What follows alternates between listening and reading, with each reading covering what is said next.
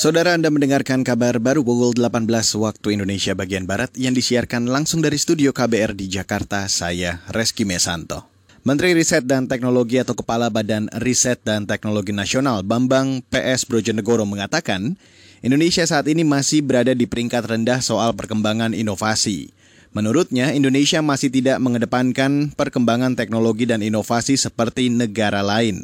Padahal Indonesia memiliki sumber daya manusia dan alam yang cukup untuk memenuhi standar pengembangan inovasi terkini di berbagai bidang. Saat ini indeks daya saing kita masih nomor 50, bahkan kalau khusus inovasinya lebih rendah lagi. Daya saing kita masih lemah, gara-gara inovasinya masih rendah, ranking 85 dari 129 negara. Kita nomor dua terendah di ASEAN. Siapa yang lebih jelek dari kita? Cuma Kamboja soal inovasi. Dan kita tentunya jauh sekali dibanding yang paling inovatif, yaitu Singapura. Menurut Bambang, selama ini Indonesia terlalu banyak disibukkan dengan program lain sehingga mengesampingkan teknologi dan inovasi. Padahal 25 tahun ke depan terhitung dari sekarang, Indonesia akan memasuki usia 100 tahun di mana memiliki cita-cita untuk masuk dalam negara maju dengan basis teknologi dan ekonomi yang unggul. Maka dari itu Bambang meminta agar mulai saat ini para peneliti berkolaborasi membuat suatu inovasi yang besar untuk bangsa dan negara.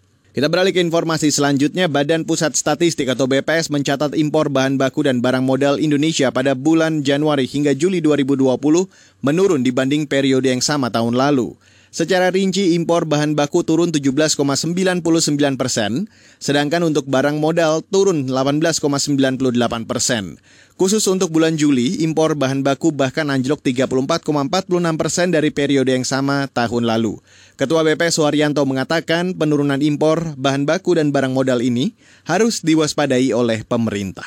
Tentunya ini perlu mendapat perhatian karena bahan-bahan baku ini akan berpengaruh kepada pergerakan industri manufakturing kita sementara penurunan barang modal bisa berdampak kepada PMTB. Jadi kita perlu memperhatikan dan mewaspadai dan mencari berbagai cara sehingga pergerakan industri manufakturing kita dan PMTB kita tidak ter. Secara umum nilai impor Indonesia pada Juli 2020 mencapai 10,47 US dollar atau menurun 2, 73 dibanding bulan sebelumnya.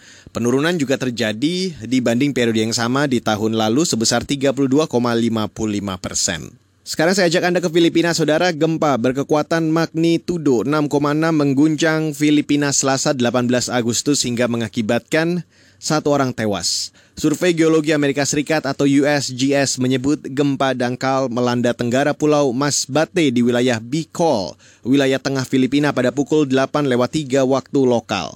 Seperti dikutip dari AFP, gempa tersebut menimbulkan kepanikan, warga berhamburan ke jalan. Gempa merusak bangunan termasuk rumah-rumah penduduk. Gempa melanda ketika negara kepulauan itu memerangi lonjakan kasus virus corona dengan lebih dari 164 ribu kasus dan pembatasan pergerakan yang bervariasi di seluruh negeri. Sejauh ini saudara setidaknya 14 gempa susulan telah dicatat oleh kantor seismologi Filipina dengan yang terkuat tercatat pada skala 3,5. Demikian kabar baru KBR saya Reski Mesanto.